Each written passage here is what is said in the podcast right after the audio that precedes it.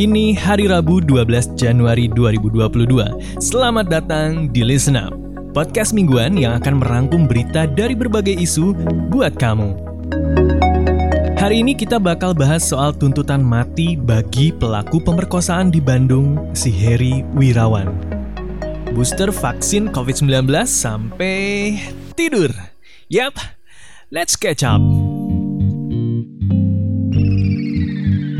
Siang hari ini, kami telah membacakan tuntutan pidana kami atau rekusitor kami yang tebalnya lebih dari tiga halaman.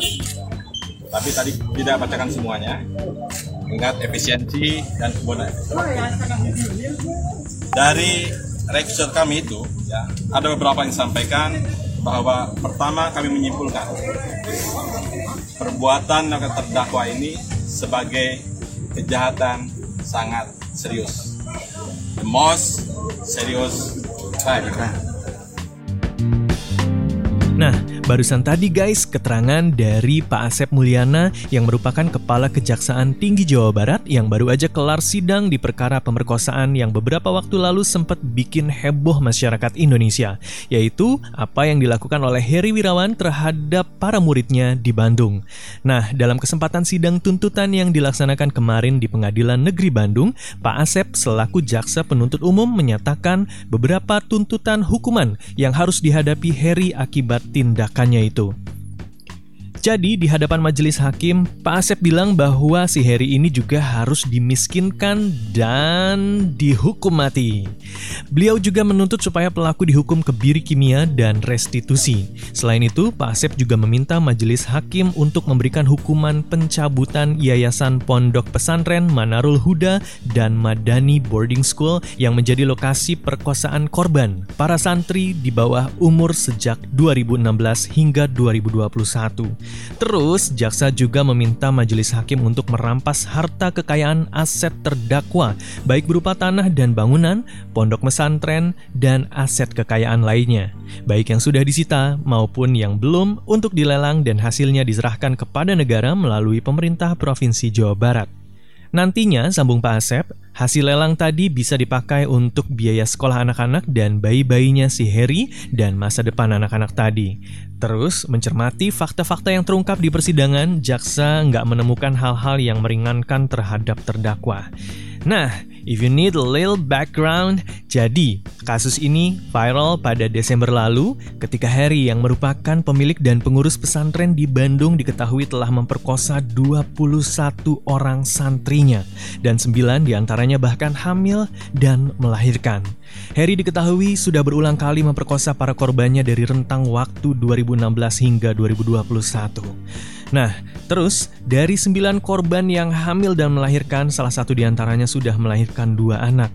Padahal santri-santri tersebut baru berusia 13 hingga 17 tahun. Ada juga korban yang nggak sampai hamil tapi diperkosa juga. Mereka rata-rata uh, di pergauli itu umur 13-an. 13-an. Mulai ya rata-rata kan ada yang 2-3 tahun. Nah itu uh, bukan hanya orang Garut ya, hmm. ada orang Cimahi, Bandung. Semuanya sebenarnya uh, ada 21 lah ya gitu. Itu tadi guys, keterangan dari Ketua Pusat Pelayanan Terpadu Pemberdayaan Perempuan dan Anak atau P2TP2A Kabupaten Garut, Diah Kurniasari. Terus ternyata nggak cuma memperkosa, Si Hari bejat ini juga mengeksploitasi korbannya dengan menjadikan mereka kuli untuk membangun pesantren dan menggunakan anak-anak yang dihasilkan dari pemerkosaannya itu untuk meminta-minta sumbangan. Harry juga tengah menjalani penahanan sambil disidang. Kemudian, pertengahan Desember lalu, Doi juga habis dikeroyok oleh tahanan-tahanan lain sampai babak belur.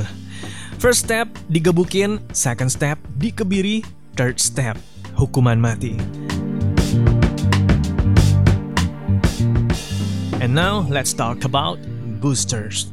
Assalamualaikum warahmatullahi wabarakatuh. Bapak, Ibu, dan saudara-saudara yang saya hormati. Mulai tanggal 12 Januari 2022, pemerintah akan melaksanakan vaksinasi ketiga dengan prioritas bagi lansia dan kelompok rentan. Upaya ini penting dilakukan untuk meningkatkan kekebalan tubuh masyarakat, mengingat virus COVID-19 yang terus bermutasi. Untuk itu, saya telah memutuskan pemberian vaksin ketiga ini gratis bagi seluruh masyarakat Indonesia. Karena, sekali lagi, saya tegaskan bahwa keselamatan rakyat adalah yang utama. Adapun syarat dan ketentuan yang dibutuhkan untuk menerima vaksinasi ketiga ini adalah calon penerima sudah menerima vaksin COVID-19 dosis kedua lebih dari enam bulan sebelumnya. Meski sudah divaksin, saya mengingatkan masyarakat untuk tetap disiplin dalam menjalankan protokol kesehatan, memakai masker, menjaga jarak, dan mencuci tangan karena vaksinasi dan disiplin protokol kesehatan merupakan kunci dalam mengatasi pandemi COVID-19. Demikian yang bisa saya sampaikan. Terima kasih. Wassalamualaikum warahmatullahi wabarakatuh. You guys, get ready karena mulai hari ini kita-kita warga plus 62 sudah bisa mendapatkan vaksinasi booster atas virus COVID-19 dan semuanya gratis. Yap, jadi seiring dengan masih mewabahnya pandemi COVID-19 di tanah air maupun secara global, pemerintah kemudian gercep nih guys, menggalakkan booster demi membendung penyebaran. Setelah beberapa hari lalu BPOM me-ACC penggunaan booster atas 5 jenis vaksin. Maka kemarin Pak Jokowi udah menegaskan bahwa vaksinnya bakal gratis ya. Adapun 5 jenis vaksin yang sudah di-ACC BPOM adalah Sinovac, AstraZeneca, Pfizer, Zivivax, dan Moderna. Nah, menurut Kepala BPOM, Bu Penny Lukito. Tentunya berdasarkan pengamatan uji klinik yang berkembang di negara lain maupun juga di kita eh, dengan waktu yang lebih panjang, ya telah menunjukkan bahwa respon imun yang dihasilkan oleh vaksin COVID-19 tentunya akan menurun sering dengan waktu dan interval penurunan yang bervariasi ya tergantung dari jenis vaksinnya. Data imunogenisitas dari hasil pengamatan uji klinik terdiri dari semua vaksin COVID-19 menunjukkan adanya penurunan kadar antibodi yang eh, significantly menurun sampai di bawah 30 persen terjadi setelah enam bulan pemberian vaksin primer yang lengkap. Oleh karena itu diperlukan pemberian vaksin booster atau dosis lanjutan untuk meningkatkan kembali imunogenitas yang telah menurun.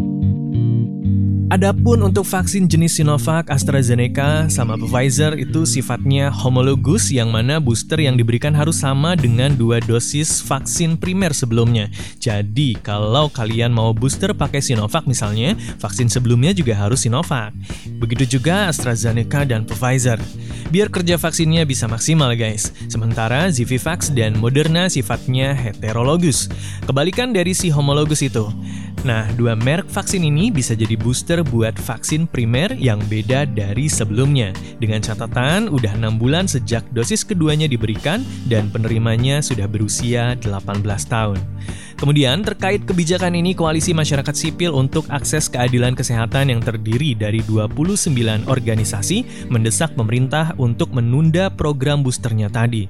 Alasannya, mereka menilai bahwa vaksinasi primer untuk dosis pertama dan kedua di Indonesia aja tuh belum merata ya. Jadinya rencana ini justru bakal menempatkan warga yang belum mendapatkan vaksin jadi beneran rentan terinfeksi dan meningkatkan risiko kematian.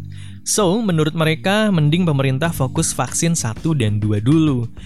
FYI, program booster sebelumnya sudah dijalankan untuk para tenaga kesehatan sejak Juli tahun lalu. Di Jakarta, para dokter dan nakes lainnya disuntik pertama kalinya di RSCM dan disaksikan langsung oleh Menkes Budi Gunadi Sadikin dan wakilnya Dr. Dante Saksono Harbuono.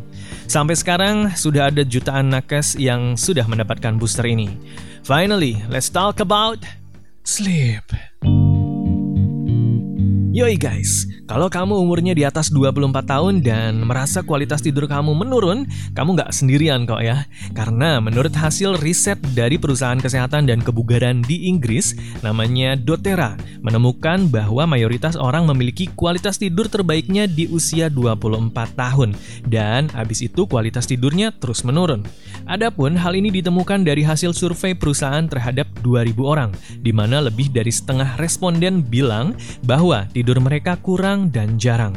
Adapun faktor-faktor utama yang menurunkan kualitas tidur ini di antaranya adalah kekhawatiran atas keluarga, stres kerjaan, hingga temperatur di kamar yang kurang nyaman. Terkait penemuan ini, peneliti soal tidur, yaitu Dr. Lindsay Browning, menjelaskan bahwa bisa jadi nih ya, kondisi di mana kualitas tidur menurun setelah usia 24 tahun itu dikarenakan oleh tingkat stres yang makin tinggi ketika semakin dewasa. Itulah juga kenapa kadang kita bisa tidur lebih nyaman dan berkualitas ketika usia kita lebih muda. Nah, terus nih guys, kamu perlu tahu juga bahwa menurut survei ini ada 37% responden yang bilang bahwa periode tidur terburuk mereka ada di usia 25 hingga 54 tahun. Finally, ditemukan juga nih bahwa hanya 14% dari para responden yang tidur cukup sesuai rekomendasi, yaitu 8 jam setiap malamnya. Hmm, jadi nggak mau grow up ya. You could stay like that. Oh, darling, don't you ever grow up. Don't you ever grow up. Just stay this little.